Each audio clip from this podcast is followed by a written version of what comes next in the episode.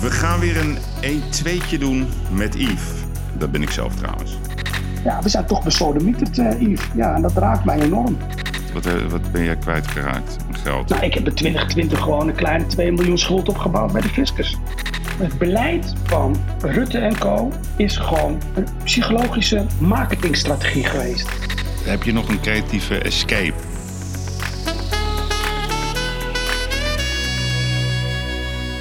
Welkom bij een nieuwe serie van de podcastserie Uitblinkers. Mannen en vrouwen die het verschil maken en exclusief op de kapiteinenlijn. Vorige week was mijn uitblinker van de week Aatje de Mos. Ook wel bekend als Aatje Resultaat of Aatje Afkoopsom. De Mos, een Hagenees, een wandelende voetbalencyclopedie, een voetbalanalist, maar vooral een echt mens. Ik zou zeggen, luister nog eens uh, rustig terug naar alle mooie verhalen die uh, Aad met de luisteraars heeft gedeeld. En vandaag is mijn uh, uitblinker van de week horeca-ondernemer Tycoon Khalid Ubaha. Khalid heeft 21 zaken en hij wordt ook wel eens de horeca-tycoon van het oosten genoemd. En ik wil ook heel graag vandaag de horeca ja, een steuntje in de rug geven. Vaak gesproken met Won Jip, maar ook in het oosten zitten heel veel bijzondere horecaondernemers die het zwaar hebben. En Khalid die laat zich regelmatig horen in het publieke debat. Die heeft daar heel veel verschillende ideeën over. Is ook een beetje boos en ook heel erg terecht. En vandaag ga ik met hem in gesprek over zijn bedrijf, over zijn historie, hoe die ooit begonnen is. En misschien heeft Khalid ook mooie ontsnappingsroutes om op een positieve manier uit deze crisis te komen. Het wordt tijd dat ik ga bellen met Khalid. Welkom uh, Khalid Uba, horeca tycoon van het oosten. Ik heb, ja, goedemiddag. Goedemiddag, goedemiddag. Ja, ik heb een uh, ondernemer aan de lijn uh, die een prachtig bedrijf heeft opgebouwd in het oosten van het land. met ja, mooie namen zoals De Drie Gezusters, Café van Buren, Bar 2, Heidi's Skihut, Café Stretto, El Sombrero, Malle Babbe, Shimmy, de Friterie en zo. Plaza Arnhem, Espen Valley, de Freaky Piano Bar. Nou, heel veel mooie namen. Ik vroeg me wel meteen af, uh, Khalid, wie bedenkt al deze namen? ja. ja. Nee, er zijn uh, echt bedrijven die al, uh, al een historie, ook El Sombrero, ja, dat bestaat al 40 jaar. Dat zijn echt zaken die al tientallen jaren al bestaan. Die ik hmm. overgenomen heb en uh, gewoon uh, de namen gewoon behouden heb. Uh, de meeste zijn de namen van het verleden al. Dus het zit wel een bepaalde historie aan. ja, want jij hebt een achtergrond. Je hebt de, de Radboud Universiteit gedaan in Nijmegen, bedrijfskunde. Hoe ben jij zelf in de horeca terechtgekomen? Ik heb eerst gevoetbald in Maastricht bij NVV. Ah, en, wat, wat stond je gelijk even? Welke positie? Ja, ik was een linkspoot. Dus ik was eerst een linksbuiten. En uh, daarna werd ik een uh, linksachter. Eigenlijk de periode van Sonny Siloy, dat die backs opkwamen. Ja, ja. En uh, dus ik was eigenlijk een omgeturnende linksbuiten die weer linksback werd. Mm. En nou, dan heb ik tot mijn twintigste dagen gevoetbald. bestuurders gehad, geen contract. En toen, ik zat op het ateneum. En mijn ateneum heb ik toen afgemaakt. Maar dat duurde ook allemaal te lang. En vervolgens ben ik bedrijfskunde gaan studeren op de universiteit. Nou, toen had ik een bijbaantje nodig ja, toen heb ik eigenlijk uh, fulltime uh, een baantje gevonden in de horeca. En ben ik eigenlijk fulltime gaan werken. Mm. Ik kom uit een groot gezin. Dus mijn ouders hadden geen geld. ja, ik kon ook geen geld aanvragen natuurlijk aan mijn ouders. Dus ik heb voor mezelf gezorgd en, en gestudeerd. En wat, wat, wat, deden je ouders? Mijn vader was, die werkte in drie ploegendienst in een papierfabriek. En mijn moeder maakte schoon in, in het ziekenhuis. Mm. En je hebt broers, zusters? Ik heb vijf zusjes. Vijf zusjes? Ja. Oh, mooi. Zo. En... Ik heb geen jurkje aan, eh, gelukkig. Maar, uh, omdat ik de oudste ben. Maar, oh, je bent de oudste van het gezin. ja, ja. En, en wat doen je zussen, als ik het vragen mag? Ik heb één zus die werkt toevallig ook in het ziekenhuis. En zorgt voor het vastgoed daar. Of het verhuur van locaties. Mm. mijn ene zus is lerares. Eh, de ander die werkt bij de ING. Eh, de ander werkt bij de gemeente Amsterdam. Nou, het zijn allemaal dames die eh, ja, toch wel HBO, universitair geschoold zijn. Mm, leuk. En, en je ouders, leven die nog allebei? Ja, leven nog allebei. Wonen in Maastricht. En ja, je ziet wel dat ze ja, die hebben gewoon vroeger gewoon keihard gewerkt. Dat zie je gewoon. ja, aan de fysieke gesteldheid kun je dat dan zo zien. Dus Mhm. eh, laten we hopen dat ze nog lang bij ons blijven. Ja. En, en waar ben je geboren? Want je bent eh, opgegroeid in Maastricht en ook in Utrecht. Maar waar, wat ja, is ik ben je... geboren getogen in Utrecht. Dus eh, mijn moeder was zwanger toen ze uit Marrakesh kwam. Mhm. En ik ben geboren in Utrecht. Ja, ja. En wat ben je? Utrechter, Maastrichtenaar? Ben je Nijmegenaar? Wat ben je nou precies? Ja, ik heb niet echt gevoel. ik ben nu wel, wel. Ja, eigenlijk in alle steden waar ik gewoond heb. Heb ik me eigenlijk heel, heel plezierig eh, gewoond. Dus eh, eigenlijk als ik in Utrecht ben, dan voel ik me weer Utrechter. Als ik in Maastricht ben, voel ik me weer Maastrichtenaar. En eh, als ik nu in Nijmegen, ja, voel ik me eigenlijk ook weer Nijmegenaar. Dus ja, ik heb wel een enorme binding met alle de steden. Mhm. En, en je houdt van voetbal, maar je bent voor Ajax. Want je bent, die, ik ben wel een Ajax-fan. hoe Ja, komt, hoe ja, komt dat? Hoe komt dat? Ja, van kleins af aan. Dus eh, ik ben heel vreemd hoor, want mijn vader die was Feyenoorder. ja, ook heel, ja, serieus, heel vreemd. Echt, mijn vader is een diehard Feyenoorder. Altijd geweest. Echt slechte tijden ook. Mhm. En ik was gewoon Ajaxiet. Eh, Van kleins af aan. Dus eh dat is altijd ingebleven. Nooit ruzie over gehad met je vader. Nou, ik kan me nog herinneren dat eh Feyenoord eh 8-2 pak slaag kreeg. Ja, En, daar was ik bij. Ja, nou, dat, dat was mijn vader toen echt wel helemaal ja, van ondersteboven van. eh, toen heb ik hem echt voor het eerst echt zagrijnig gezien eigenlijk, eh, na een verliespartij. Mhm. Ik kan me die wedstrijd nog heel goed herinneren. Ook omdat hij echt kwaad was. Ja, maar dat jaar werd Feyenoord... Want Cruijff speelde toen bij Feyenoord. en toen werd Feyenoord dat jaar toch kampioen. Dus eh, uiteindelijk kwam het goed. Ik weet nog wel, ik zat klopt. zelf toen in het, sta- in het, was in het Olympisch Stadion. ja, top. Ik, toen zat ik met mijn vader daar. Toen op een gegeven moment werd het 6-2. En toen, de Feyenoord-fans die waren er wel een beetje klaar mee. Toen gingen ze het stadion eh, een beetje afbreken. Het eh, ve- dat was rennen voor le- leven en dood. Maar goed. Oh, geweldige wedstrijd. Ja. Hey, Ja. En, en even terug naar, naar, naar jou als ondernemer. Hè? Eh, want welk, weet je dat nog? Je eerste zaak die je begon? Ja. Welk jaartal was dat? Eh was in 98. En ehm, ik was aan het afstuderen. En Hmm. eigenlijk zou ik... kijk, ik spreek vloeiend Arabisch. Dus eigenlijk eh, ik een beetje de toekomst in, eh, in het Midden-Oosten. Ik dacht van, hé, in, Nederland opgeleid, bedrijfskundige. En dan eh, handel drijven met, ja, met het Midden-Oosten. Ik spreek de taal, ken de cultuur. Ik dacht, dat, dat zal voor mij wel een enorme voorsprong zijn.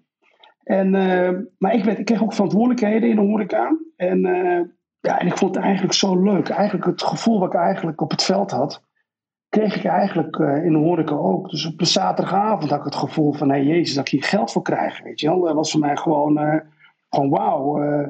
eh, ja, de avond vlogen voorbij. ik vond het gewoon fantastisch. Nou, toen was ik op zoek naar een locatie in, in Nijmegen. En je had, vroeger had je in Maastricht, had je, in de Petielstraat, had je het Witte Broertje. En was het eigenlijk in de tijd, in de jaren 80 eh, en 90, had je eigenlijk alleen, was net, kwam net shawarma op. En eh, je kon eigenlijk helemaal niet gezond eten. En wij, eh, eh, als wij met die jongens op stap gingen en we wilden daarna nog, toch nog wel even gezond eten. Dan had je het witte broodje, dan kon je echt nog gezond eten, gezond eten eh, s s'nachts. En dat concept wilde ik eigenlijk naar Nijmegen halen.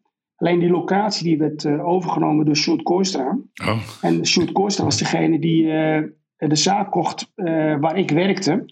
En hij werd voorgesteld naar de Vierdaagse op het Koningsplein. Dat is gewoon een plein, daar zitten gewoon 6.000, 7.000 man een week lang. Hè? Dat is gewoon elke dag Koningsdag. En hij werd voorgesteld op zondag, eh, eh, terwijl wij een eh, eindfeest hadden. Een eindvierdaagse feest. En ik werd toen naar voren gehaald en ik had eh, het meeste biertjes verkocht. Want wij als obers eh, rennen daar op het plein eh, op provisie. Hè? We kregen geen loon, kregen een kwartje per verkocht biertje. hm. En, eh, nou, en eh, ik werd naar voren gehaald als degene die het meeste bier verkocht werd, had. En eh, daar werd hij voorgesteld als de nieuwe eigenaar. En eh, ik heb daarna Sjoerd gebeld. Want Sjoerd nam eh, ook de zaak over de, waar, die ik voor ogen had. Ja, daar was hij me gewoon voor. En toen heb ik hem gewoon gebeld. ik wilde eigenlijk weer terug naar Utrecht met de drie gezusters. Nou, we hebben een gesprek samen gehad. En drie maanden later belde hij me op voor de drie gezusters in Nijmegen. En eh, ja, november 98 heb ik die zaak overgenomen. Hm. Van En zo Sjoerd. ben ik eigenlijk gestart. Ja, van Sjoerd. En, en heeft hij toen, want eigenlijk ben je dus gewoon met nul financiering gewoon eh, deze business begonnen. Ja, nul. Ik had ook helemaal niks. Je had niks. Ik had, Nee. ik had min 10. Min 10. Ja, ja.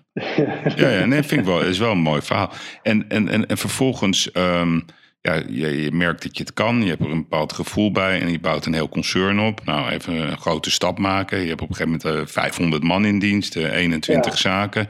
Hoe, hoe, hoe, hoe, omschrijf je die reis, zeg maar? Dat je in, in een periode van ongeveer 20 jaar, zullen laten we dat maar even noemen, zo'n uh, groot concern hebt opgebouwd. Hoe is dat precies gegaan?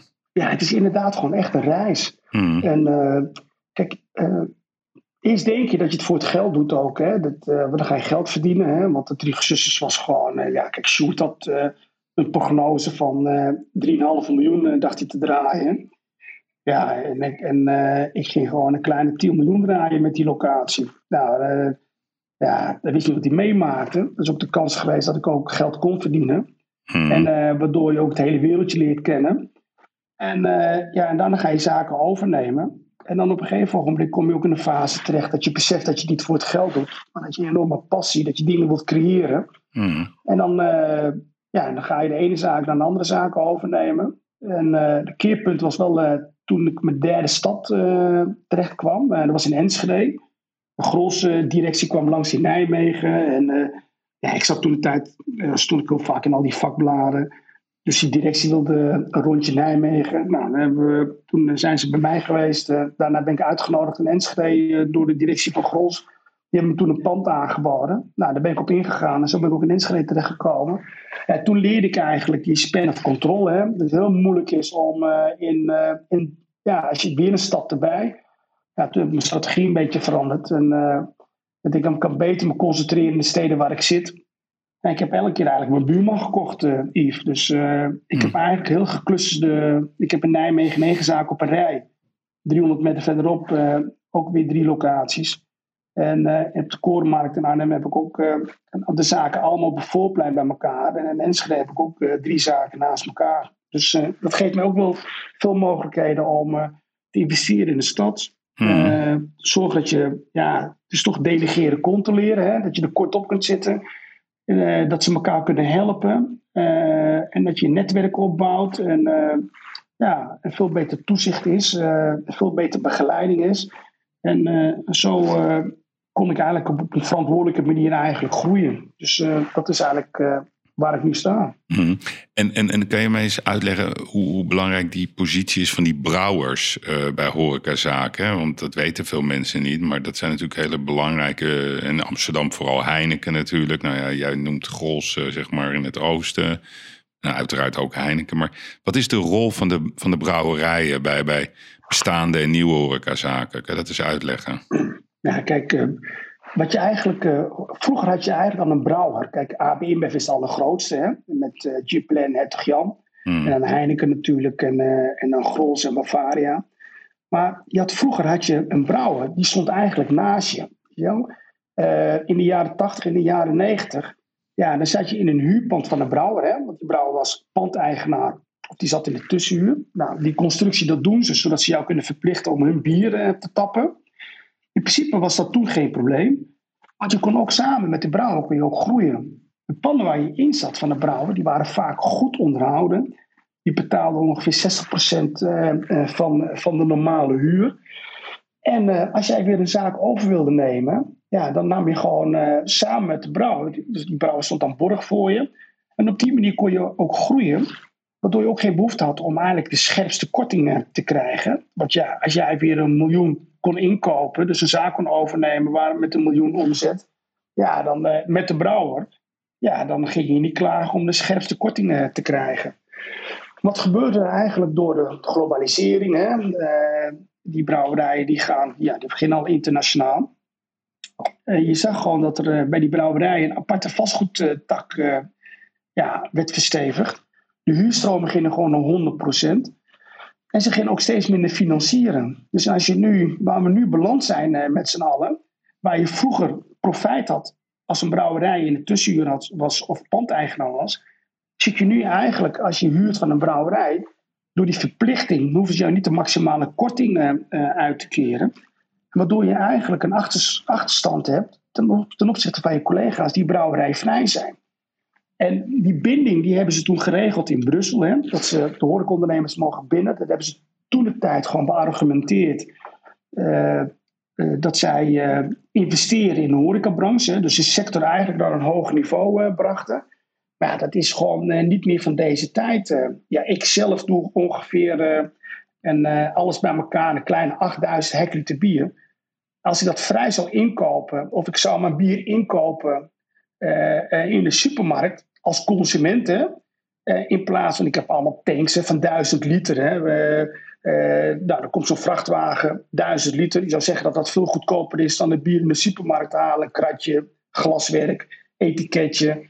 Maar uh, dan, dan, dan, dan koop ik gewoon ongeveer voor 30, 40 procent kan ik mijn bier gewoon goedkoper inkopen in de supermarkt als consument. Ten opzichte van iemand die 8000 hectoliter bieren op jaarbasis gewoon, gewoon inkoopt. Ja, dat is gewoon helemaal krom gegroeid. Ja, dan ben je... Ze samenwerken ook niet meer. Ze financieren ook niet meer. Ja, ze zitten nu eigenlijk nog in de tussenuren. Pakken eigenlijk het uh, maximale rendement. En, uh, en wij krijgen niet de maximale korting. En dat is gewoon zonde. Mm. Want hoe, even voor de luisteraars, 8000 hectoliter bier, hoeveel biertjes zijn dat? Smal 100. Ja, ja. 8000 uh, hecto. Dus 800.000 biertjes per jaar. 800.000 liter. Nou, oh. 800.000 liter maal 4, want ongeveer 4 glazen gaan ongeveer uh, dus 3,2 miljoen biertjes per jaar gaan er door jouw handen. Ja, ja. Dat zijn heel wat biertjes.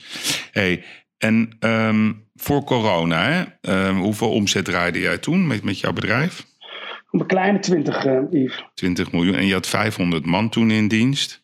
Ja, 550. Ja, en toen kwam corona. En, en ik, ja. kan, ik kan me nog herinneren dat jij uh, meteen al best wel boos was. Ik heb je een keertje gezien bij, bij Op 1. Toen zei je, ja, uh, wacht eens even, varen in de mist.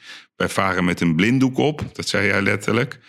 Um, nou, toen heb je je ook niet onbetuigd gelaten. Je hebt, je hebt letterlijk gezegd, ook in, in de Stentor, dus een krant volgens mij bij jullie daar in de buurt. Ik ben ervan overtuigd dat de regering ons bewust om de tuin, tuin heeft geluid. Um, nou, heel uitgesproken tegen de anderhalve meter economie. Um, je bent nogal persoonlijk geweest naar minister Koolmees van Sociale Zaken. Uh, die heeft jullie misleid. En daar gaf je het voorbeeld aan. Ja, dat er natuurlijk continu op tv's groep. Ja, nee, we gaan 90% vergoeden. Nou, dat, dat was natuurlijk helemaal niet zo. Dat bleek maar 65% te zijn, ongeveer gemiddeld.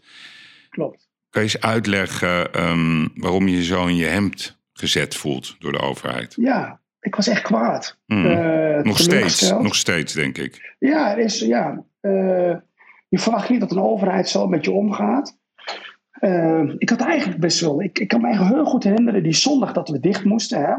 plots klap, hè? Binnen, ja. binnen een half uur moesten ja, de tent sluiten, ja, geloof gestoord was dat, ja, paniek. Ja, sloeg ook helemaal nergens op. Ja, Je laat mensen rustig eten en, uh, en daarna de afscheid nemen, rekening betalen. Dat iedereen gewoon eens naar huis kan. Maar we moesten om zes uur de tent sluiten. Ja. Mensen zaten aan en aan een biefstuk. Die biefstuk kon je letterlijk gewoon van tafel halen voor de neus. Maar oké, okay, daar. Maar ik kan me heel goed herinneren dat Rutte, Mark Rutte, gewoon ja, eigenlijk had ik best wel een goed gevoel uh, na die speech. Van jongens, we gaan het samen doen. En uh, we laten jullie niet in de steek. En we hebben diepe zakken. Hè? Dat zijn eigenlijk die drie ja, kernwoorden. Ja, ja dat, zei, dat zei Hoekstra. Dat zei Hoekstra, letterlijk. Ja, en hij ook. Hè? We, we, we, weet je wel, we, we, doen het samen. En we laten niemand in de steek. En het komt goed, weet je wel. Nou, dus ik had er best wel rust over. En wat er eigenlijk gebeurde, was Wuhan, dat heeft toevallig een samenwerking met Arnhem. Ik kende Wuhan een beetje, omdat hij een speciale band heeft met Arnhem. Ik heb ook horecazaken in Arnhem. Ik wist dat Wuhan een stad was met 20 miljoen inwoners. Dus het is groter als Nederland. Hmm. En toen ik in eh, januari die beelden zag in uh, Wuhan, dat die, al, die, al die straten uitgestorven waren, kreeg ik schrik. Dus ik heb eigenlijk eind januari, begin februari, heb ik met mijn HR-team en uh, met mijn arbeidsrechtadvocaten rond de tafel gezeten. Vonden ze toen overdreven. Ik zei van, nou, wat gebeurt er nou als het niet deze kant op komt? Hè? Dan denk ik van, nou, als je ziet hoe het China toe gaat, uh, ja, uh, het kan, het kan eigenlijk niet zo zijn dat het niet deze kant op komt dan. Hè? Hmm. wat kunnen we dan doen? Nou, toen ben ik helemaal bijgepraat over die werktijdverkorting. Heel kort samengevat, wat houdt werktijdverkorting in? En die werktijdverkorting dat bestaat al in Nederland sinds uh, de Tweede Wereldoorlog. Hè. Heeft allerlei crisissen overleefd. Hè. en een werktijdverkorting, dat geeft een ondernemer de mogelijkheid dat als het slecht gaat met je bedrijf, dat je voor, dan krijg je een vergunning voor zes weken om uh, gedeelte van de uren uit te laten keren door de UWV.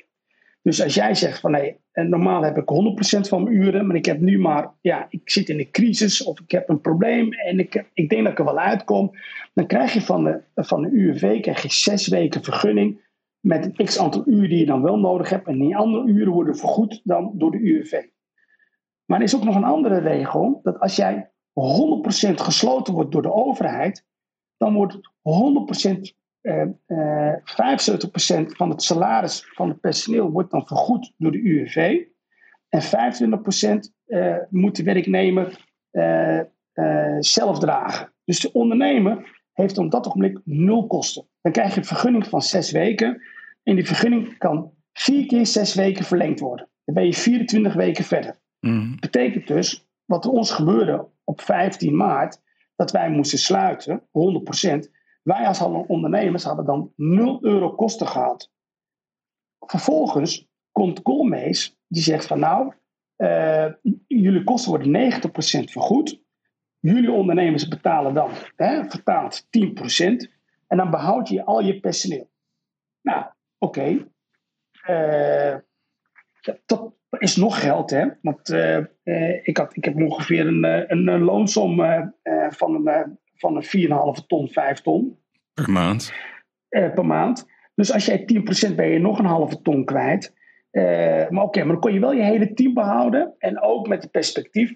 Ja, wie had het gedacht, weet je wel? Dat je van, nou, dan ben je, dan ben je misschien over drie, vier weken zijn dan weer weer open. Maar we waren pas na drie maanden open. En die 90% waar zij publiekelijk elke keer communiceerde, was geen 90%, maar bleek daadwerkelijk 64% te zijn. Ja. ja. Als je dan 5 ton uh, aan loonkosten hebt en je krijgt maar 64% vergoed, dan heb je ongeveer 2 ton per maand wat je dan verliest. Ja, en dan kom je uit de regeling wat sinds de Tweede Wereldoorlog bestaat. Dat is die werktijdverkorting. Waar je als ondernemer dan eens vier weken, zes weken, vier keer zes weken een vergunning had gehad. Was je 24 weken verder geweest. 0 euro kosten had gehad. Ja, dat vond ik echt schandalig. En, uh, en ik was notabene, ik had alles voorbereid. Ik heb gelijk op 15 maart uh, die vergunning ook aangevraagd. Want uh, wat is, want er is wel één, uh, één belangrijk punt met die werktijdverkorting. Als jij het op een verkeerde manier invult, of doet iets verkeerd, of de gegevens zijn niet correct, dan krijg je het weer teruggestuurd. Dan verlies je weer twee weken. Nou, elke week, dat is ongeveer een ton salaris. Dus, je moet, dus ik heb echt voor gezorgd, toen 15 maart Rutte ontsloot, was alles ingevuld, dubbelcheck. Dus wij hadden het om 8 uur s avonds voor al ons personeel aangevraagd. Gelijk de deur uit. Nou, wij kregen een week later, of een paar dagen later, kregen wij de mededeling van hey, een goede orde ontvangen. Het wordt uh, niet die werktijdverkorting, er komt een andere uh, regeling, de nauwregeling. En je hoeft niet nog een keer in te vullen, want we hebben het al. Dus het, we nemen het op deze manier mee. Kijk, en wat Koolmees elke keer vertelde, van ja, we moeten een nieuw systeem bouwen en het gaat niet hoe we het nu op dit ogenblik ook, uh, ook doen, uh, want dat kan allemaal niet voor al die bedrijven. Maar ik heb het aangevraagd, ik hoef het niet op een andere manier in te vullen, dus het systeem wat er al was, hebben ze gewoon gebruikt. Ja, en ik vind gewoon, op het moment dat je, wat ze toen de tijd ook hadden, hè, we zitten in oorlogstijd, hè, nou, dan vind ik ook, als wij generaal Rutte en generaal Koolmees moeten volgen, ja, dan moet je niet over je schouders heen kijken uh, of, je, of die wel de waarheid uh, vertelt. Ja, dan ga je ook zij aan zij, uh, ga je met z'n allen die strijd aan, dan ga je met z'n allen die oorlog voeren. En, is het, en dan is het absoluut een deksel op je neus op het moment dat je, ja, ja we zijn toch besodemieterd, Yves. Ja, en dat raakt mij enorm. -hmm. Want even, kijk, dat weten veel mensen niet, maar kijk, in, in Nederland zijn er ongeveer 60.000 horecazaken. Nou, jullie worden vertegenwoordigd door de Koninklijke Horeca Nederland. En ik zie dan meestal als voormannen uh, Robert Willemsen en uh, Dirk Beljaard. Maar er zijn maar 19.000 uh, horecazaken die zijn lid van de Koninklijke Horeca Nederland. Dus twee derde is niet eens lid van, van, van, van, van, van die groep. Hoe verklaar je dat? Ja, ik ben zelf ook geen lid, Yves. Want ik vind gewoon dat dat Koninklijke Horeca Nederland, dat die K gewoon heel rap weggestreept moet worden we moeten die, het woord koninklijke moeten we gewoon uh, uit dat KN uh, schrappen. En ja, dat staat ons gewoon in de weg. Weet je, wel?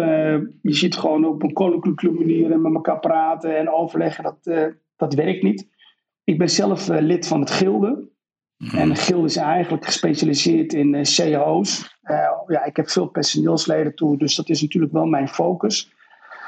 Ja, kijk, ik heb wel uh, contact hoor uh, met die mannen. Ik vind ook wel dat ze wel veel gelobbyd hebben.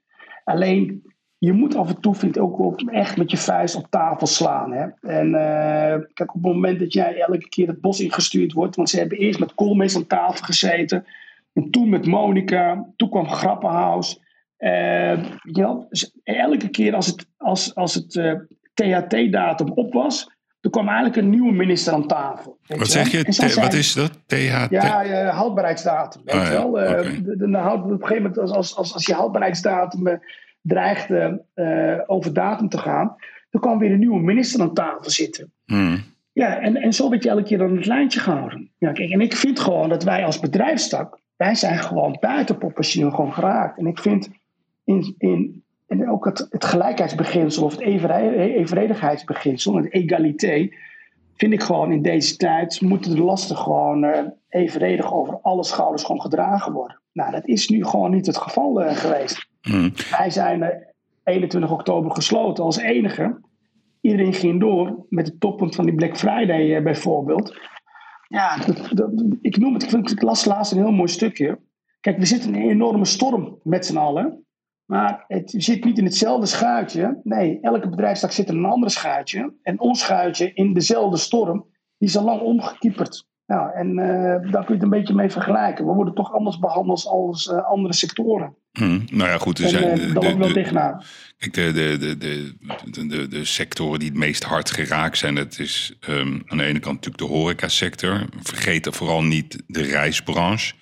Absoluut. En ook mijn branche. Hè. Ik bedoel, ik organiseer beurzen. Even, Wij mogen helemaal niks hè, sinds maart. Ik bedoel, dus als je het hebt over de sector die het hardst getroffen is, dan is dat de evenementenindustrie. Want die mag helemaal niks. Hè. Die is nee, überhaupt nooit meer open gegaan. Maar even, even naar, naar jouw sector. Hè. Ehm, kijk, jij hebt op een gegeven moment ook gezegd, ook in de Stentor, de politiek heeft onze branche opgegeven. Nou, ik ga je even een paar dingen. Uh, dus ik ga, ik ga behoorlijk met je mee. Dus uh, op een gegeven moment zegt, um, hoe heet hij nou, Wouter de Winter van de Telegraaf, die zit, uh, die zit bij, uh, bij zo'n praatprogramma en die zegt, nou, hoe het eigenlijk gaat hè, in Den Haag, dan zijn de camera's weg en dan, dan wordt er zo in die wandelgangen gesproken en is letterlijk gezegd, ja, ach, de horeca, dan gaan ze dat uitrekenen, is zoveel procent van de Nederlandse economie.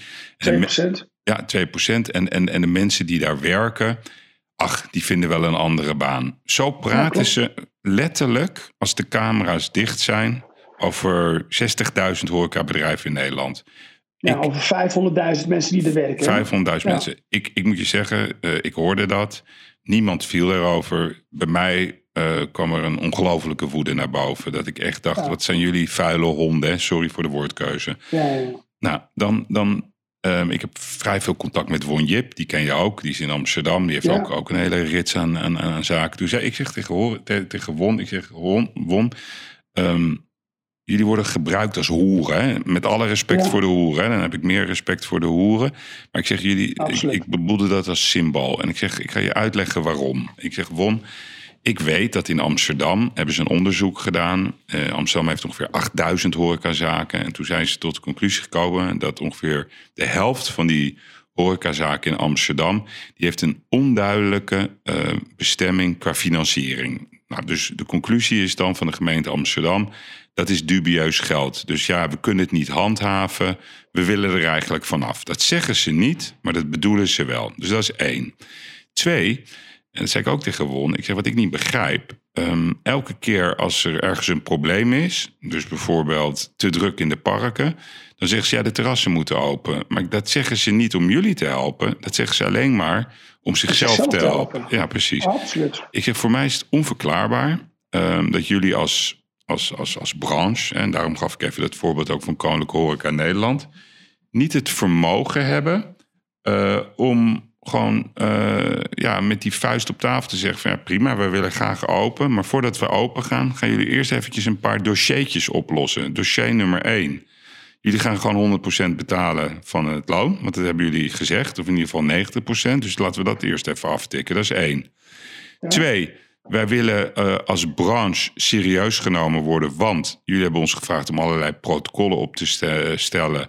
Nou, gebleken is dat er nauwelijks besmettingen binnen de horeca zijn. Zeg maar uitgezonderd op de slecht geventileerde zaken. Dat kan je gewoon allemaal terugzien. Dus dat zijn gewoon feiten.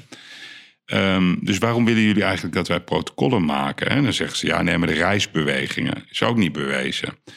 Dus ik begrijp oprecht niet dat uh, harde werkers, hè, horeca mensen ziek als harde werkers, zorgen voor plezier, um, worden gewoon structureel misbruikt. Maar het lukt jullie niet om, om samen de krachten te bindelen, bunden, bundelen, excuus.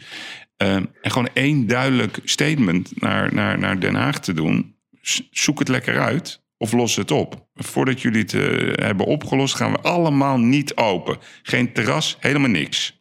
Waarom, waarom is, is er niet een man of een vrouw die namens deze branche dit soort teksten neerlegt? Gewoon duidelijke taal. Hoe kan dat? Ik snap dat niet. Ja, kijk, ik denk, uh, ik denk kijk, horeca, uh, kijk, zo'n zo'n KN, zo'n koninklijke horeca in Nederland, uh, daar, zitten, daar zitten ook, kijk, er zitten natuurlijk cafés, uh, restaurants, uh, clubs, maar er zitten ook hoteliers bij. Hmm. Kijk, je ziet daar wel een tweestrijd. Kijk, die hoteliers, dat is toch, ja, die hebben toch een andere strategie. Die willen gewoon dat je aan tafel blijft zitten, hmm. blijft praten, in, in, communicatie blijft. Dus er is wel een strijd binnen dat Koninklijke Horeca Nederland van, hey, de, de groep die het inderdaad gewoon op een hardere manier wil aanpakken. En een groep die inderdaad zegt: nee, we moeten blijven praten. Ja, kijk, de belangen van de hoteliers zijn natuurlijk ook weer. Ja, ja in deze zou je zeggen: we zijn gelijk. En die zitten toch heel vaak anders in de wedstrijd. En uh, ja, ik ben ook even gewoon voor. Uh, ik vind op het moment dat jij je linkerwang uh, hebt aangeboden, je rechterwang en nog een keer je linkerwang, ja, dan haalt het gewoon een keer op. En wat je gewoon ziet, Kijk, wij zijn maar 2% van de economie. Kijk, wij kunnen. Kijk, je ziet gewoon dat, dat Wopke Hoekstra en ook Rutte, ja, die denken gewoon op macroniveau. Mm. En wat zij nou denken. Kijk, wij kunnen met z'n allen gewoon failliet gaan. Mm. Kijk, en dat is ook waar. Kijk, op het moment dat deze ellende gewoon achter de rug is, zijn al die panden, op het moment dat de ellende weer voorbij is, zijn al die panden weer, weer verhuurd. Dus op het moment dat het weer kan, er zitten al lang weer in al die zaken zitten weer nieuwe ondernemers. Ja. Kijk, en dat weten zij ook. Dus waarom zouden zij, denken ze, deze bedrijven overeind moeten houden? Op het moment dat je weet dat als de ellende weer voorbij is, dat al die panden weer verhuurd zijn. Kijk, dat is hoe maar zij denken. Ja, maar dat klopt. Ik, ik ga erin mee. Ehm, ik, ik, weet ook dat het zo is. Maar dat is natuurlijk het grote verdriet. Hè? Dus, dus um, de, de, Nederlandse overheid ziet toch het midden- en kleinbedrijf, waar de horeca onderdeel van is, gewoon als een melkkoe. Hè? Men denkt op macroniveau, men denkt zeg maar eh, in de lijn van de Heinekens van deze wereld. en het is heel simpel, een, een, hotel dat failliet gaat, dat consument merkt dat niet. komt gewoon een nieuwe eigenaar. Uh, ja, het hotel blijft gewoon bestaan. Uh, horecapanden die failliet gaan, ach, dat vervangen ze. Want dan zeggen ze, ja, er is toch te veel horeca dat is best wel heel pijnlijk om daar te, naar te kijken. Want dan, dan, dan denk je van ja, ik heb twintig jaar werkelijk waar een slag in de ronde gewerkt. Ik heb werk gegeven aan 500 man. Uh, mensen plezier willen geven, want daarom doe je ook horeca. En, en, dan word je zo eigenlijk. Hè, want ik denk dat iedereen het wel over eens is. Ja, we hebben een probleem, we willen het samen oplossen. Dat was ook echt het gevoel. Hè. Begin maart 2020. niet ontkennen dat er coronaproblemen zijn. We gaan echt samen, schouder aan schouder, gaan we deze strijd aan. Absoluut. Maar nu zie je uh, ja, dat zeg maar, het, het, zeg maar de kleine ondernemer, die wordt gewoon geofferd. Omdat hij er niet in slaagt. En daarom gaf ik ook het voorbeeld van Jorgen. Om de krachten te bundelen. Het zijn, je kan niet zeggen dat er geen aandacht is geweest op tv voor de horeca of de terrassen. Dat is continu. Maar, maar het resultaat wat je wil horen, Um, dat je dan denkt, oké, ze hebben ons nu serieus genomen. Ze pakken de bon, want daar gaat het ook om. Ze geven ons perspectief. Ze zeggen gewoon van jongens, uh, we moeten nog even vastbijten. Maar 1 juli, dan kunnen we weer beginnen of wat dan ook. Ja, ik hoor het niet, ik zie het niet. Nee, eens. Uh, het, is, het is wel verdrietig. Het is wel pijnlijk bijna. Of pijnlijk, ja, het is gewoon pijnlijk. Het heeft ook wel met die gen van die horecondernemer te maken. Kijk, je ziet toch wel dat... Uh, is het onderlinge jaloezie of zo? Wat is dat dan? Nee, nee het zijn pleasers, weet je wel. Uh, ja, ja. je houdt rekening mee. wat, heel, wat, wat, heel erg speelt, wat, wat, wat denkt men van mij, weet je wel? Wat denken mijn gasten nou van mij, hè? Hmm. Want we hebben lange tijd geen kritiek kunnen uiten op corona. Want hoe haal je het in je hoofd, hè? En, en zeker op het beleid de, de, de, eerste twee maanden, drie maanden het was toch wel heel moeilijk om uh, kritiek te uiten over het coronabeleid. En dan zie je toch wel dat ze bang zijn om kritiek te krijgen van hun gasten, van hun omgeving. Ja, en, en dat zit wel een beetje in de aard van die horecaondernemer. En uh, ja, wat ik zelf ook wel frustrerend uh, vond. Kijk, op een gegeven moment moet je de barricade op. Kijk, kijk, ik ben gewoon overtuigd dat al die ministeries en al die ministers, ja, als zij drie maanden geen salaris hadden gehad, ja, dan was het Malieveld gewoon een week lang te klein geweest, denk ik. Dat ben hmm. ik echt. Hmm. Nou, en, en het verbaast mij dus ook wel enigszins van hey, als wij met z'n allen gewoon een vuist hadden kunnen maken, uh, massaal uh, naar Den Haag of, uh, of massaal je terras opengooien, hè, maar dan ook allemaal tegelijkertijd, hè, ja, dan, dan denk ik dat ze met ons anders aan tafel hadden gezeten. Alleen, ja, die slagkracht is er gewoon niet. En er is wel elke keer voor gekozen. We blijven aan tafel, we blijven communiceren. Maar ja, je wordt wel elke keer het bos ingestuurd. En ik ben wel dolblij dat de retail op een gegeven moment ook gesloten werd, 14 december. Want die, ja, die riepen gewoon na twee weken moord en brand. Hè? Ze waren twee weken dicht, 14 december. En heel retail Nederland zou failliet gaan. En dankzij de retail, daar hebben wij gewoon geluk als horecaondernemers, is gewoon verder opgeschaald uh, qua qua betalingen naar ons toe, uh, betreft uh, de ondersteuning. En je ziet gewoon dat de lobby van de retail veel beter is en ja, krachtiger is. En waarschijnlijk heeft men daar ook veel meer belangen bij. Maar ik weet ook wel dat Rutte daar naar pot gebeld is door retailers. Van nee, op deze manier kan het niet. Terwijl wij eigenlijk al maanden aan het schreeuwen waren dat het niet kon. Hmm. En dankzij de retailers is eigenlijk de ondersteuning ietsjes omhoog gegaan. En uh, nog niet voldoende, maar wel een stap. Ja, ja, maar goed, dus het is, alles draait om de lobby. Dat is inmiddels wel bewezen. Hè? Dus wie de goede, wie de goede lobby uh, doet, die, daar wordt naar geluisterd. Uh, de lobby bij de horeca die is in ieder geval heel actief, maar niet, niet om de een of andere manier niet, niet centraal georganiseerd dat je een geluid hebt. Um, want, als je kijkt naar Laurens Meijer, uit, de, volgens mij uit het oosten, noorden van het land. Nou, uh, Won Jip in Amsterdam, die heb ik veel gezien. Dan heb je die jongen in Breda, ik ben even zijn naam kwijt, de grote jongen. Johan de Vos. Ja, Johan de Vos. Ja, die, die, die, die, die zijn allemaal rustig, die leggen het op zich heel goed uit. Eigenlijk heel respectvol.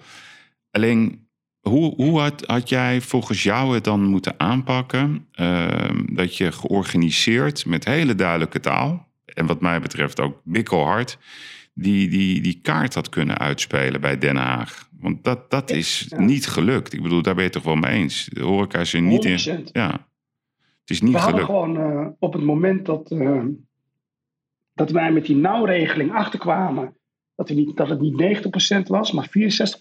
Ja. Toen had men echt uh, met, het, met de vuist op tafel moeten slaan. En aan alle kanten. Dus je had dan een juridische zaak moeten beginnen.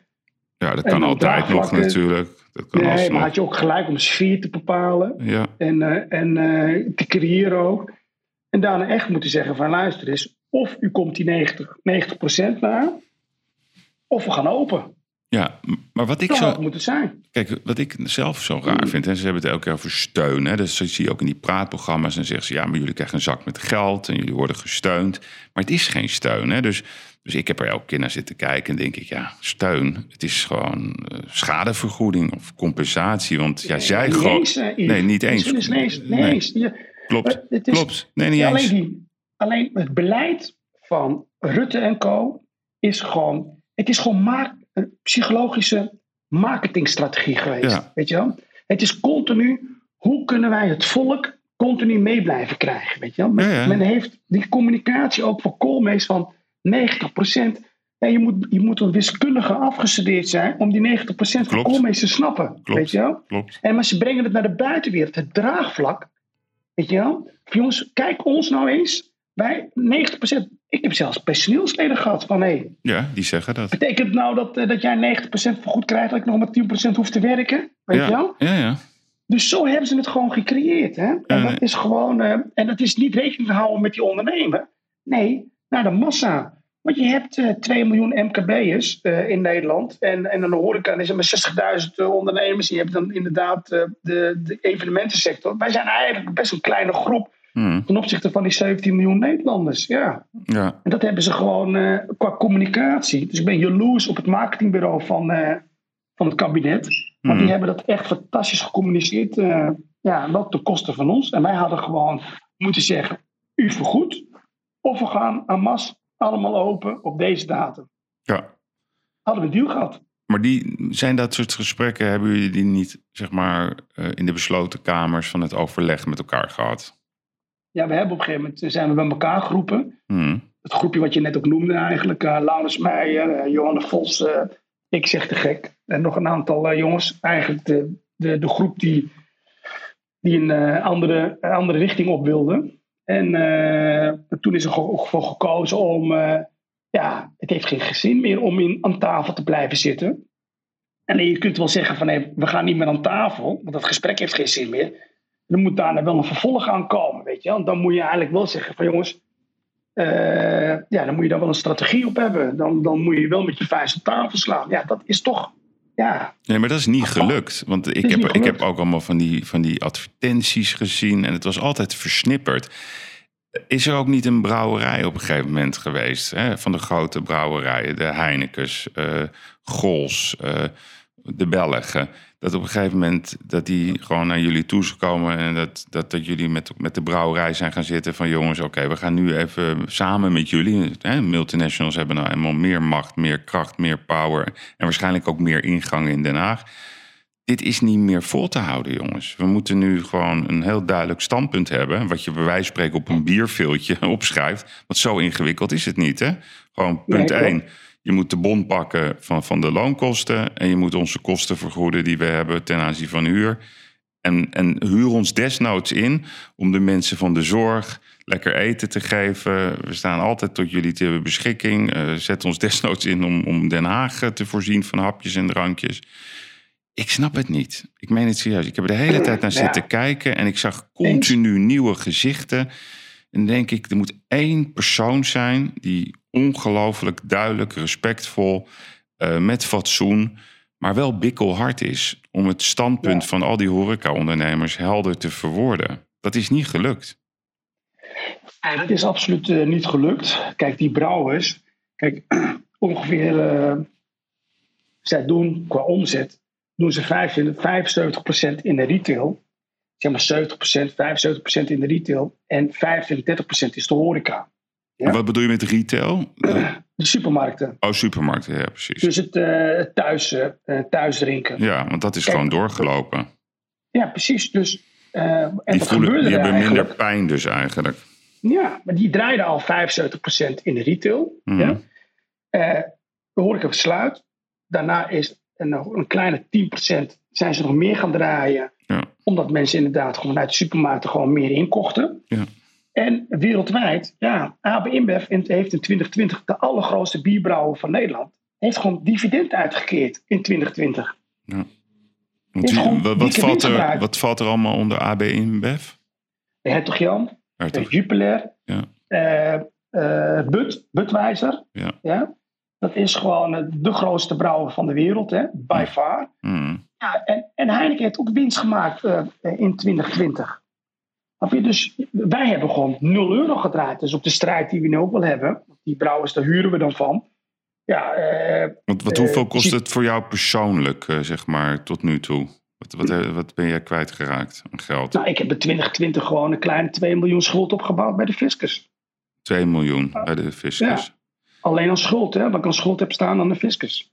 Ja, ja. En verder heb je ook nog eh, bij moeten storten als, als privépersoon? Nou ja, je, je teert in op je eigen vermogen. Hmm. En eh, kijk, je hoeft geen loonbelasting te betalen, geen btw te betalen. Maar je bouwt gewoon schulden op. Ja, wij als horeca, eh, ja, en dat geldt ook voor de sectoren, en inderdaad in de evenementensector.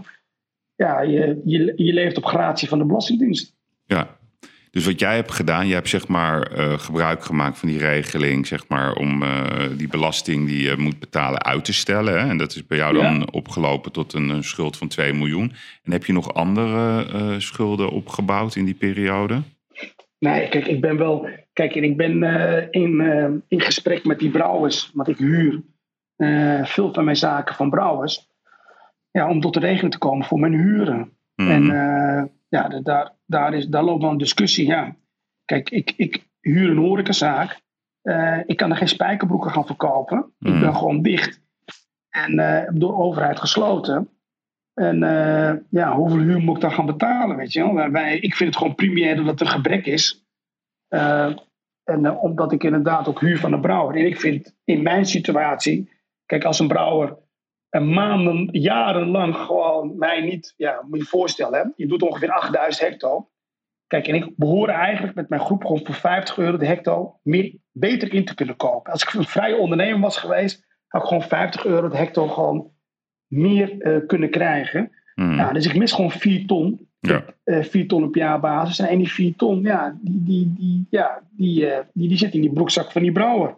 Ja. En dat vind ik nu ook in deze tijd. Ja, dan moet je ook uh, de lasten uh, dragen ja, uh, van de huur. In plaats dat je tegenover elkaar kunt zitten met, met advocaten. Ja, en, nee, maar dat, heeft al. Dat heeft, meteen de rechtbank ja, moet gaan voeren. Dat heeft allemaal geen zin. Want um, kijk, dus je hebt die 2 miljoen en dan heb je natuurlijk geen inkomen gehad. Hè, dus je, dat vergeten mensen ook vaak. Hè, dat je als, als ondernemer ook geen loon hebt. Je teert ook natuurlijk in op het feit dat je gewoon ook je eigen privéleven hebt. Um, je hebt ook gebruik gemaakt van de TVL-regeling, neem ik aan. Want ja, klopt. Is dat een beetje een doekje voor het bloeden? Want die is heel erg verruimd hè, in, in Q1 2021. Ja, maar kijk, dan erkennen ze. Dat vond ik ook zo'n mooie. Dan dus hij wordt dan in Q1 en in Q2. Ja, nu zit hij eindelijk op 100%. Hè? Ja. En dan, uh, dan is er nog wel een kromme. Die krijgt dus een vergoeding, ja, TVL. Maar dat zien ze dus als omzet, waardoor je gewoon minder nauw krijgt. Hè? Dus het is even. Uh, nee, nee, nee, dus, nee, nee, nee, dat is niet waar. De TVL is gewoon een netto uh, uh, omzet. Daar, daar zit... Nee, Yves, je krijgt TVL, dat kun je navragen. Dat zien ze als omzet, waardoor je minder nauw krijgt. 100%. Ja, op zo'n manier. Ja, ja, dus je ziet het wel als omzet. Ja, dat klopt. Net zoals die nee, de overheid ziet het als omzet. Nee, nee, de overheid, precies. Net zoals die nou, dat is ook heel apart. Die komt dan binnen in je resultaat. En als je dus winst maakt, dan moet je ook nog VPB betalen. Om die nou kan soms ervoor zorgen dat je toch weer winst maakt in een bepaald jaar. Dus dan gaat er ook weer een correctie van ongeveer 25% op af. Nee, maar dus dat, dat, dat blijft natuurlijk hele rare rekensommetjes. Maar laten we eens even kijken. Uh, want kijk, jij, jij hebt 21 zaken, maar in principe geldt jouw verhaal uh, voor heel horeca Nederland. Hoe zie jij nou, um, uh, want je ziet, we zien nog heel weinig faillissementen. Dat heeft onder andere natuurlijk te maken met het feit dat, dat er gewoon geen belasting weer wordt betaald binnen, binnen, binnen de horeca. Dus men maakt gebruik van die, van die uitstelregeling. Wat is nou de oplossing volgens jou uh, om ervoor te zorgen dat die horeca-ondernemers straks, laten we hopen dat het weer mag, na de zomer of tijdens de zomer, er toch gewoon normaal en misschien zelfs sterker uitkomen. Wat, wat moet volgens jou de overheid doen? Wat is het grote gebaar wat ze nu moeten maken om het probleem snel, effectief en eerlijk op te lossen?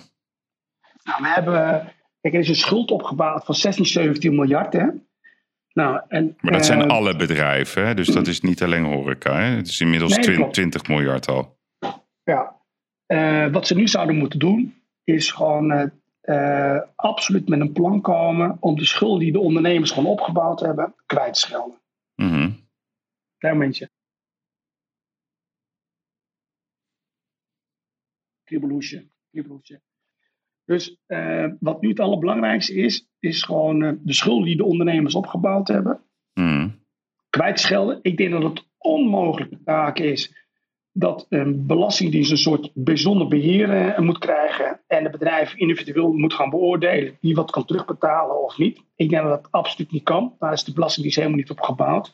Maar je kunt onmogelijk met wat je afgelopen bijna anderhalf jaar misleiding uh, met die nauwregeling. Je gooit zaken dicht. Er zijn gewoon fouten gemaakt. Vaccinatiebeleid. 1 juli mocht iedereen weer gaan vliegen. Nou, terwijl we wisten dat er zometeen weer een tweede golf aan zou, zou komen, dat je eigenlijk de grenzen dicht moeten houden, vind ik. Je had je, je het, testbeleid had je op orde moeten hebben, zodat wij gewoon in Nederland gewoon hadden kunnen ondernemen. Mm. In plaats dat wij in, in oktober weer massaal weer dicht moesten.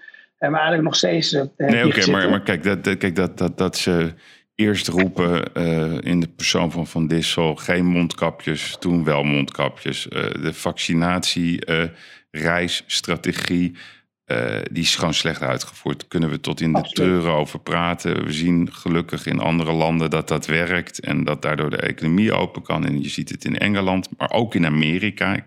Men heeft het helemaal niet over Amerika, maar New York is open. Als je ook ziet, de verschillende staten in Amerika is open. Eh, de Arabische Emiraten, eh, daar is alles open. In Israël is alles open. Dus het kan blijkbaar wel. En, en Zweden heeft eh, als enige van Europa zeg maar een ja, soort ja, gedoogbeleid gehanteerd. Waarbij ze het altijd open hebben gehad. En die hebben dezelfde cijfers als Nederland. Dus dat is een inhoudelijke discussie over het beleid. Nou, ik denk dat de mensen daar wel inmiddels achter zijn dat dat niet heel erg goed beleid is. Uh, continu het aanpassen van de communicatieuitingen. Wel open, niet open. Gedoe. Maar laten we nou even positief zijn, want de ondernemers zijn over het algemeen positieve mensen. Wat is dan, uh, jij zegt ze moeten de belasting uh, kwijtschelden. Hè? Dat is best, de schulden. Ja, de schulden. Maar het is best ingewikkeld voor die ondernemers. Want hoe zie jij dat dan? Die wel gewoon toch zijn door blijven betalen aan de Belastingdienst. Er zijn een heleboel die zijn gewoon ja, die hebben niet gebruik gemaakt. Die voelden wel die pijn. Maar die hebben toch gewoon hun belastingbijdragers uh, betaald. Moeten die dat dan terugkrijgen? Of mogen die dat verrekenen? Hoe zie je dat? Nou, kijk, ik, ik, als je dat is die egaliteit, hè? Dat gaat om die ja, gelijkwaardigheid. Eens. Nou, kijk, uh, ik zie het een beetje ook op dit vlak even op macroniveau. Mm. Kijk, ik denk dat uh, 99% of 95%, laat me zeggen, inderdaad gewoon uh, niet betaald heeft. Hè? Ik vind dat uh, dat echt stap 1 moet zijn. Want als je hier. Kijk, het voordeel van ons is, van onze bedrijfstak, wij staan zo meteen wel vooraan bij herstel. Hè? Mm Dus onze sector, daar kunnen we zo meteen, op het moment dat, dat deze ellende voorbij is en we hebben genoeg mensen gevaccineerd en die ziekenhuis gaat uh, met een, uh, een, scherpe lijn uh, naar beneden toe en we gooien de boel weer open, dan staan wij vooraan bij herstel. Dat betekent ook gelijk dat er direct weer een kleine 450, 500.000 mensen direct werk beschikbaar is weer in onze branche, in onze sector. Gelieerd aan, aan onze sector werken 600.000 mensen. Hè? Dus de, de groothandel, uh, die allemaal gelieerd zijn aan horeca. Dus in, in, onze branche, die met ons ook uh, gelieerd is, praat je over een miljoen werkgelegenheid. Maar je kunt deze ondernemers gewoon absoluut niet uh, met schulden opzadelen. Dat wij de schulden die we nu opgebouwd hebben, eh, niet door onze schuld. Ja, natuurlijk, corona is ons ook wel overkomen. Maar ik vind echt dat er gewoon beleidsfouten zijn gemaakt. Waardoor wij ook extra op de blaren zitten. Vind ik gewoon, wil je een goede doorstart. Wil je dat de economie zo meteen echt gewoon versneld herstelt. Moet je ook zorgen dat die rugzak met bakstenen echt uh, verlicht worden van die ondernemer. Zodat die economie gaat groeien. En ik denk indirect dat het gewoon voor de Nederlandse economie gewoon heel veel geld oplevert. Heel veel banen snel herstel. En ik denk dat dat de weg is om, uh, om eruit te lopen. Ja. En voor die ondernemers die betaald hebben, ik weet niet hoe groot die groep is. Ja, daar zul je iets aparts voor moeten bedenken om te kijken van hey, uh, hoe lossen we het met die ondernemers dan op. Maar, nee, maar goed, dat is, ik denk gewoon dat je daar gewoon één lijn in moet trekken. De mensen die betaald hebben, die, kunnen, die krijgen het of terug of die mogen het verrekenen met, met, met toekomstige betalingen. Dat is allemaal niet zo. Ik ga ervan uit dat de overheid nog steeds liquide is. Want ik, ik denk dat je praat over een een bedrag, ja, het klinkt heel veel, maar ongeveer 30 miljard. Maar als je, als je kijkt, hè, dat heb ik begrepen, hoe het ministerie van Financiën rekent. Hè, die, dat zijn gescheiden units, moet je je voorstellen. Hè. Dus, dus je hebt de, de, de opbrengstentak en je hebt de kostenkant. Nou, je moet dat dus even vertalen met jouw bedrijf, dat jij dat ook een muur tussen zet. Zo werkt dat natuurlijk niet, maar de overheid doet dat wel.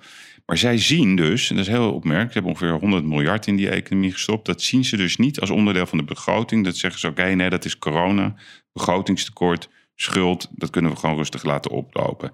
Dus eigenlijk zijn zij helemaal niet in paniek. Alleen wat ik denk, oh, dat is het maandag-alarm wat ik hoor. ja, 12 uur. Ja, ja. ja, het is bijna 5 mei. Hè? Um, ik, ik, ik denk dat het echte probleem is dat is het voorbeeld wat ik noemde net van Wouter de Winter, die dan uh, goed ingevoerde journalist van de Telegraaf, die zegt ja, ze vinden de horeca helemaal niet interessant. Maakt ze eigenlijk niks uit. Ik denk dat dat wel iets is wat jullie uh, moeten realiseren. Daarom zei ik ook tegen Won Jip ooit, ze gebruiken jullie als hoeren.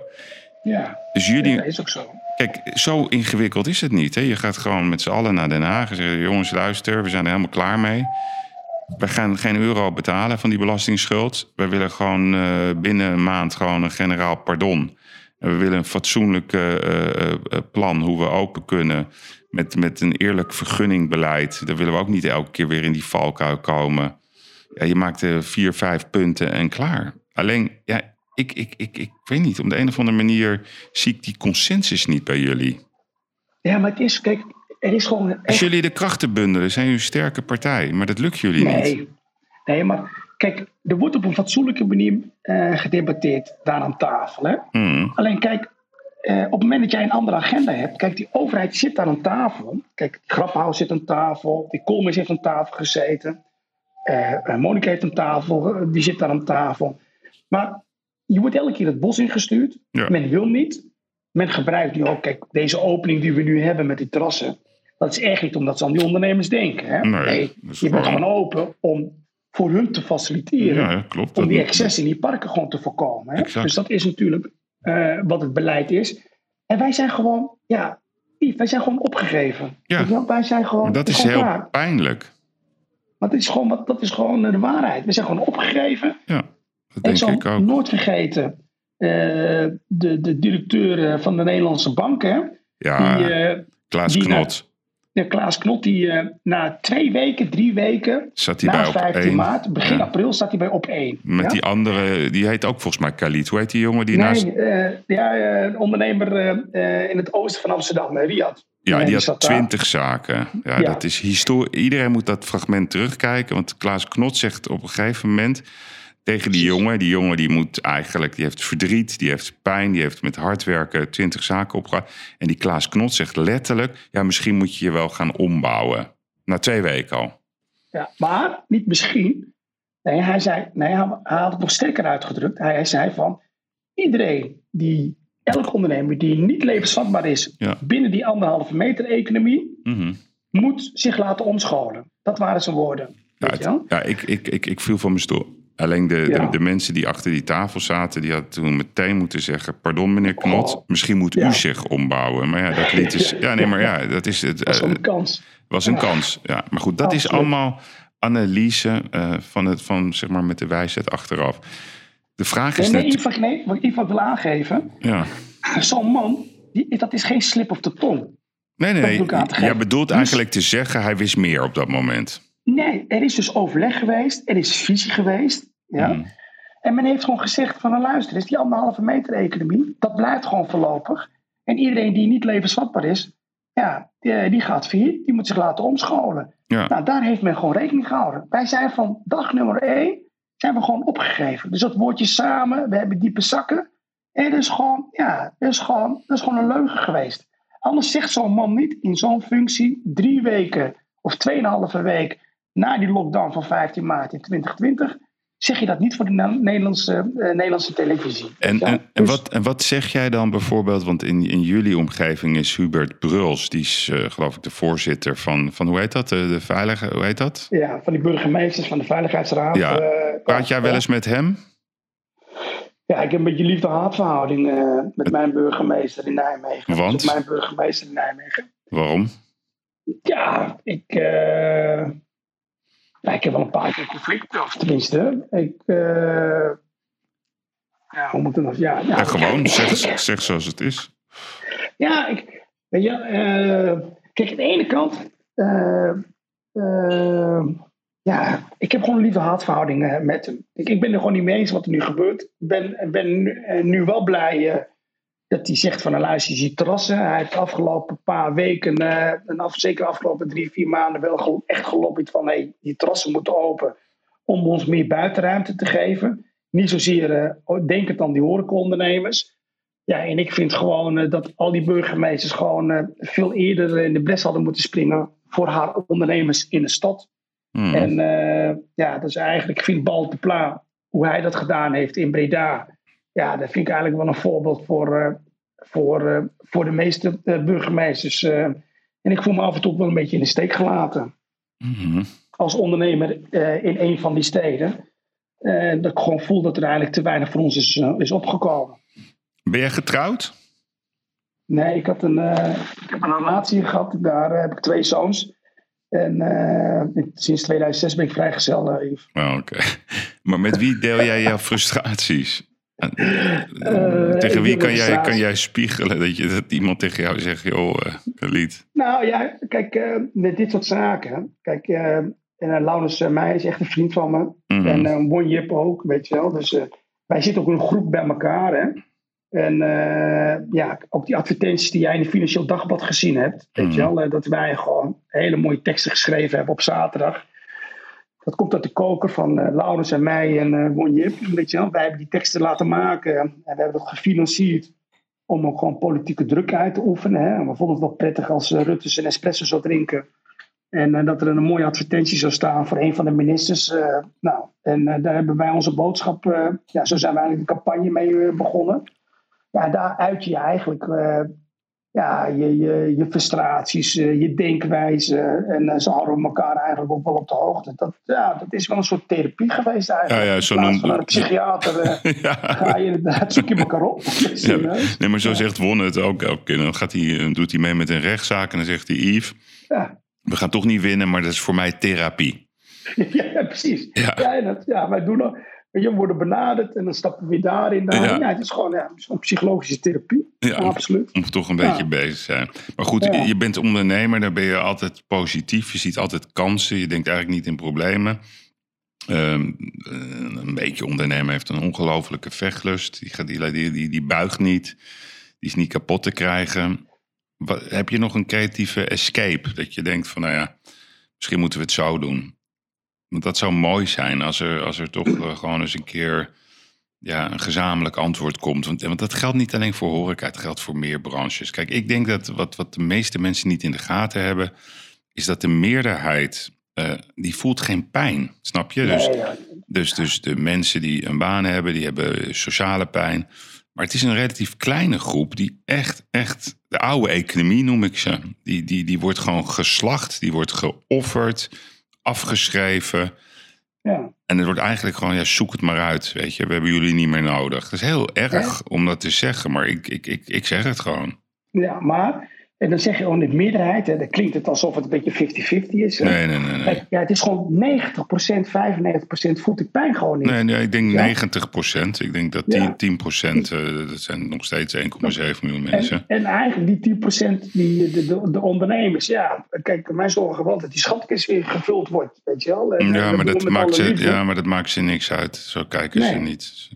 Dus ik vind wel, kijk... Uh, hangt er vanaf. Hè. Kijk, ik vind de berichtgeving tot nu toe dat die discussie is om die schulden kwijt te schelden. Hè. Dus ik denk dat als die schulden kwijtgescholden worden voor ondernemers, dat, uh, dat het kabinet of uh, dat Rutte en Co. dan echt wel een gebaar uh, maken. Dat zou wel een heleboel ellende oplossen op het moment dat die schuld inderdaad gewoon ja, weggestreept wordt, waardoor zo meteen iedereen weer uh, met een hele goede start gas kan geven. Want wij moeten zo meteen ook weer investeren, Yves. Want ja. je, bent, je hebt anderhalf jaar stilgestaan. Nee, nee, je, je moet, gaat draaien. Je moet, maar het grappige is, die, die, die bereidheid, die is er. Hè? Als je namelijk, ik heb die notulen bekeken. Het is gewoon letterlijk gezegd, we moeten een manier vinden om, om die schuld... Ze durven het nog niet te zeggen. Ja. Maar, maar geloof mij nou maar, ze gaan het doen. Ze zijn alleen aan het zoeken naar een oplossing. Alleen wat ik niet begrijp, die, die onzekerheid, hè, dus, dus door, door niks te zeggen, ja, dat vreet aan de mensen. Weet je, daar word je zelfs ziek ja. van. Weet je, de mensen die krijgen er ja. kanker van. Uh, die, ze moeten. Absoluut. Dus, dus mijn advies is om die druk zo gigantisch op te voeren. Want je moet op korte termijn duidelijkheid. Ze, ze hebben geen haast. Uh, ze, ze, ze, straks En ze krijg je- hopen gewoon dat er een paar bedrijven nog verder afvloeien. Weet je? Ze willen gewoon dat de onderkant Ja. die. Maar die hoe kan je het versnellen? Dus dat is mijn vraag aan jou. Want ik, ik, ik denk dat we daar ook iets alleen positiefs ook, iets motiverends om daarmee af te sluiten. Wat is nou de Nee, manier denk- om het te versnellen? Nou, ik denk dat wij gewoon als horecaondernemers gewoon uh, één stem moeten hebben. Weet ja, je wel? Dat, is dat, dat, dat denk kijk, ik alleen, ook. Alleen, wat je nu ook zag, hè. Kijk, nou beginnen wij uh, open van 12 tot 6. Kijk, dat zit ook een beetje, ook wel een beetje in de aard van die horecaondernemer. Kijk, dan, dan zie ik een aantal berichten voorbij komen. Dan lees ik van iemand die heeft een speciaal bierzaak, Yves. Hè? En dan moet je voorstellen, een speciaal bierzaak. Hè? Ja, ja. Die heeft 30 taps met alleen maar speciaal bieren. Ja? Maar dus, dus al die taps zijn dan aangesloten op fusten. Ja? Zijn kracht is vooral in die borrel. Hè? Vooral s'avonds, mm -hmm. dan draait hij. Hij blijft dicht. Ja, hij blijft dicht natuurlijk, want hij gaat niet al die vaten bier aansluiten op die 30 taps. Mm. Want dan kun je gewoon zo meteen gewoon 20.000 euro kun je gewoon op het moment dat er weer iets gebeurt en uh, je hebt bederf, dit met die fust op het moment dat je ze aansluit, die vaten bier. Ja, dan, dan, uh, dan heb je ook een bederftijd van twee, drie maanden en dan kun je ze wegdoen. Hè? Kijk, in plaats dat hij communiceert, want dan helpt hij ons door te zeggen van ik blijf dicht. Het is voor mij absoluut niet rendabel. Ja? Communiceert diegene van ik blijf dicht omdat je ziekenhuis gewoon te vol zit, weet je wel. Ja, dan denk ik van Kom eens op. Help elkaar. Jij blijft dicht. Omdat het voor jou niet rendabel is van 12 tot 6 open te blijven. Ja, dat gaat niet. Want dan moet jij 30 vaten aan. En heel veel bederf. Alles gaat, uh, dat, dat krijg je nooit verkocht. En in plaats om te gaan communiceren, ik blijf dicht omdat ik vind dat de IC's gewoon uh, te vol zitten. Ja, ja. En dat, dat is toch heel moeilijk om al die horecaondernemers eh, ondernemers allemaal in één kruiwagen bij elkaar te krijgen. En dan recht uh, door te gaan. Want er zullen altijd, altijd een gedeelte. En wie, wie, wie, wie, zou nou, wie van jullie branche zou nou zeg maar. Kijk, je noemde net Sjoerd Koistra. Hè? Heel veel luisteraars weten niet wie dat is. Maar ja, ik denk dat je nu best wel een uh, Sjoerd Koistra aan boord had willen hebben. Dat is wel ja, iemand die er met, met driedubbel gestrekt been uh, durfde in te gaan altijd. Ja, wie moet het doen voor de horeca? Met, ja, met alle respect voor, voor, voor Robert Willemsen en voor, voor Beljaards. Uh, ik vind ze buitengewoon keurig. Alleen, ja. ja. ik weet niet of dat de mannen zijn. Ja, maar wij ook. Wij hebben ook, jongen, luister, je bent aan het vechten. Maar je bent aan het vechten tegen een enorm monster. Hmm. Uh, die, die zoveel macht heeft. Uh, ik denk dat wij echt zo meteen, kijk, we zijn een rechtszaak aan het voorbereiden ja, maar ja. over het egaliteitsverhaal. Hè? Ja, Van, uh, ja, maar zijn dat, als, dat, dus misschien dat het iets, iets helpt. En uh, denk het je niet. ziet wel dat die stem wel steeds duidelijker wordt. Maar of wij het uiteindelijk gaan winnen van het beleid van, van Rutte. Hm. Ja, je ziet gewoon dat ze stoïcijns gewoon doorgaan. Nou, met de verkiezingen heeft hij, heeft hij ze gelijk gekregen. Ja, ja, wij zijn gewoon een te kleine, te kleine minderheid. Ja, die kleine 10%. En ik denk dat het nog kleiner dan 10%. De rest voelt het niet. Ze hebben het volk tevreden gehouden. Die heeft allemaal hun salarissen doorbetaald gekregen.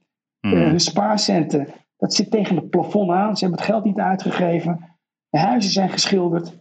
Kassen zijn uitgemest. Ja, we hebben gewoon een beetje het nakijken. Maar wie En moet het doen? het alleen. Wie moet het doen Ja, voor de horeca? Ja. Ik zou het graag willen doen, eh, Yves, eh, met een paar man eh, om me heen. Maar we hebben ook heel veel gedaan. Maar ja, je wordt gewoon van de ene muur naar de andere muur gestompt. En we redden het alleen als we het samen doen. En dan samen een maken van tot hier en niet verder. En dat kun je niet alleen. Dat, daar moet gewoon Ja. iedereen tegelijkertijd. Want ik kan wel open gaan, ook met die terrassen. We hebben gezegd, we gaan open. Ja, op het moment dat we zeiden, we gaan open. Ja, dan zegt een afdeling eh, Koninklijke Horeca Nederland, eh, een afdeling Nijmegen en afdeling Arnhem. En dat geldt ook voor die andere steden. Nee, wij doen niet mee. Ja, dan zit jij in die stad. Hm. Die statement is, luister, accepteer het niet. We gaan gewoon open. Maar was het, heeft het een beetje omzet opgeleverd trouwens, die opening voor jou? Tot nu toe bedoel je? Ja? Nu, ja, kijk, het is gewoon, het is ongelooflijk wat je, wat, je, wat je draait tussen 12 en 6. Maar het is nog lang niet, ja, het is absoluut niet levensvatbaar. Hè? Kijk, Nee. Luister, ik zal het je nog sterker vertellen. Want mensen, oh, je hebt volle terras. Nee, eh, als wij vol mogen draaien, ja, vol mogen draaien, binnen en buiten. En we moeten alsnog die anderhalve meter waarborgen. Ja, dan, dan, dan zijn wij alsnog niet levensvatbaar. Een gemiddelde horecaondernemer, als hij het netjes doet, haalt hij 10% onder de streep over. Nou, als jij anderhalve meter eh, eh, moet hanteren binnen je zaak en buiten, ja, dan, dat is net die 10% wat je, wat, je, wat je eind van het jaar gewoon onder de streep gewoon overhoudt. Ja, dan, dan gaat onze sector alsnog kapot. Dus dit tussen 12 en 6, ik zie het als een inwerkperiode voor je mensen, dat iedereen weer aan de gang is. Een psychologische stimulans. En dan hopend dat het inderdaad gewoon heel snel weer verder verruimd wordt. Ja, oké. Okay. Khalid, wil je nog ergens op terugkomen? Ja, ik heb uh, een man horen praten. Uh, ik weet niet of je dat gezien hebt, Yves. Uh, was vorige week op WNL. Peter Bennemeer. Ken je? Nee, hoe heet hij? Peter? Peter Bennemeer. Nee, ken ik niet. Nou, Peter Bennemeer, dan moet je hem even googlen. Of terugkijken naar die programma. En hij is oud ziekenhuisbaas geweest in Uden. Mm. En hij kwam met een visie. Hij heeft een boek geschreven. En dat vond ik zo interessant. Hij keek tegen het coronaverhaal als volgt aan. En wat wij ook al uh, heel de tijd uh, aan het roepen zijn. IC-bedden moeten omhoog. Waarom wordt er niet opgeschaald? En Peter Bennemeer. Echt interessant om die man om een keer uit te nodigen, Yves. en naar hem te luisteren. Hij zei van... Nou, hij, had, hij keek tegen het coronaverhaal aan. Van oké, die IC-bedden. Hij zegt van wat je had moeten doen, je had tegen het, het coronaverhaal, het corona-IC-afdeling, uh, uh, had je anders tegenaan moeten kijken. Wat je nodig had als je hebt een probleem, corona. Nou, je hebt bedden nodig voor coronagevallen. Nou, waarom, zegt hij, hadden we niet 5000 bedden opgeschaald en mensen opgeleid specifiek voor IC-coronagevallen? Want Hmm. de gommers van deze wereld, die vertelden ons elke keer: dit is niet te doen, het opleidingstraject is veel Ja. te lang, Ja. hè, dat kan niet. Maar hij zei: op het moment dat je het probleem gedefinieerd had als een coronaprobleem, corona-IC-probleem, Nee, ja, maar dat is... 5000 bedden, ja. en dan die mensen inwerken, alleen gespecialiseerd op IC-corona. Ja, maar Khalid, weet je, dit, dit, ik heb het ook gezegd. Ehm, veel mensen hebben dit gezegd. Kijk, als er een probleem is, ik weet niet, ja, ik bedoel, dat heb jij ook. Als jouw zaak in de fik staat, dan pak je de brandblusser. Alleen het Nederlandse systeem is anders. We zijn een poldersysteem. eh, er is een probleem, dan gaan we het analyseren. Dan komt er een eh, commissie. De commissie gaat eh, de, de werkgroep analyseren. Nou, de werkgroep gaat vervolgens analyseren wat de commissie heeft gedaan. Dan komt er een parlementaire enquête. Dat wordt dan besproken. Dan lekken de notulen uit. Ja, en dan zijn we weer drie jaar verder. Ja, dat zit gewoon niet in het systeem. Ik bedoel, iedereen, elke ondernemer die ik sprak, die zei van oké, we moeten opschalen. Laten we een coronaziekenhuis gaan bouwen. Of twee of drie zelfs. Zorgen dat Ja. er allemaal mensen helemaal toegespitst zijn op Bouwen, het oplossen. Ja. ziekenhuizen leeg. Ja, hè? klopt ook. Ja, Ja. er zijn ook ziekenhuizen leeg. Ja, dat, heeft, dat hebben zoveel mensen geroepen. Maar ja, er wordt gewoon niet geluisterd. Ja, ik kan er ook niks aan doen. En wat hij ook zei, vond ik ook zo. eh, hij had eh, de kosten van zijn ziekenhuis in Uden, Ja, had hij gewoon met 15%, 20% omlaag gekregen. Ja. Gewoon heel simpel, hè? Gewoon op, eh, op, eh, op het spoedafdeling, waar mensen daar binnenkomen, daar werkten altijd gewoon onervaren artsen. mhm. Nou, die onervaren artsen, die zullen nooit het risico nemen. Die zullen alles laten onderzoeken om maar zeker te zijn Ja. eh, dat het klopt wat zij denken dat het is. Dus dan worden vier, vijf afdelingen aan het werk gezet. Eh, weet je wel, eh, dit onderzoeken, dat onderzoeken. Wat hij gedaan heeft. Hij heeft daar ervaren artsen neergezet. eh, hart en vaat en, en nog twee erbij. Die direct die diagnose konden stellen. Waardoor je niet het risico liep dat er eigenlijk al die andere afdelingen eigenlijk ook aan het werk gezet werden. En, en die artsen konden dan precies zeggen van hé, hey, oké, dat scheelde hem gewoon 15, 20 procent. Ja, nee, maar kosten. ik, ik Nou, moet je zeggen, ik, ik heb het net even gegoogeld. Ehm, ik heb het verhaal vorig jaar vaak gehoord van heel veel mensen. Alleen ja, er wordt voorlopig nog niet naar geluisterd. Ik zou me lekker focussen als ik jou was op, op, op jouw branche en zorgen dat jullie een, een hele sterke ja, voorman hebben of vrouw, Ja. wat, wat het ook is. Misschien moet je, moet je toch nog één poging wagen om alle mastodonten, iconen vanuit jouw industrie bij elkaar te, te zetten. En gewoon eh, heel op één A4'tje zeggen, dit is wat we willen. En gewoon eh, heel dat heel duidelijk maken met een, met een deadline. Ik denk dat dat, dat de enige manier is hoe ze... Absoluut. Ja, ik denk ook dat onze. eh, dat ons geluk is eigenlijk dat, eh, dat de retailers het voor ons gaan, eh, gaan regelen, denk ik. Oké, Ik denk dat wat, die lobby is gewoon zo sterk. ja, dat is en een sterke die zit lobby. eigenlijk in hetzelfde schuitje. Weet Ja. je wel? Ik verwacht dat daar eigenlijk waar wel naar geluisterd wordt. Maar je hebt helemaal gelijk, Yves. Dus, eh, Nou, heel goed. Ik hoop dat, eh, dat ze naar je luisteren en eh, we, blijven ons gewoon inzetten. Ben jij trouwens kapitein, eh Khalid? Of ik kapitein ben. Ja, of je lid bent van de kapiteinenlijn. Dus dat vind ik wel want iedereen is, die moet zich aansluiten bij onze beweging. Dan kunnen we steeds meer het geluid laten horen. Kapitein Oh, wat Khalid, ben je nog niet? Dat ben ik nog niet. Yves. Nee, Nou, dat verwachten we nu wel van jou, hè? Zeker. Ik ga, het, eh, ik, ga me, me- ik ga me aanmelden. Helemaal goed. Nou, we gaan het vanmiddag uitzenden. Eh, ik hoop eh, dat, dat de juiste mensen er naar luisteren. En ik hoop dat we als we de volgende keer elkaar spreken... dan kom ik een keertje naar, naar jou, een van jouw etablissementen. Wat is de leukste? Waar moet ik... Nou, kom naar Café Arnhem. Café Arnhem. Oké, in Arnhem. Is goed. eh, je bent gewoon welkom, Arnhem en Nijmegen. Eh. Kom langs, Yves. Eh, hartstikke leuk. Doe Ja. ik. Ja? Oké. Sterk blijven. Dankjewel. Komt goed. Dank Goed u wel, zo. Bye bye. Dank Hoi. Goed. Dank voor het luisteren naar dit mooie gesprek met Khalid Ouba. Ja, uit het hart gegrepen zou ik willen zeggen. Hij laat ook heel duidelijk de pijn horen van de horeca, ook de boosheid. Maar aan de andere kant hoor ik ook een optimistische man die maar één ding wil: zijn zaken opengooien en de mensen weer blij maken. Dus laten we voor hem duimen en laten we ook hopen dat ook de overheid, die ook nodig is, die is ook in dit geval onderdeel van de oplossing, toch probeert om op korte termijn duidelijkheid te geven op het gebied van met name de ja, zware belastingssituatie bij heel veel horecaondernemers in Nederland. Er zal duidelijkheid moeten komen en dan kan iedereen weer naar voren kijken. Dank voor het luisteren. Vrijdag ben ik er weer met eh, mijn eh, vaste compaan uit Portugal, Erik de Vlieger. En dan gaan we de week doornemen en dan zullen we zeer ongetwijfeld weer met heel veel nieuws komen.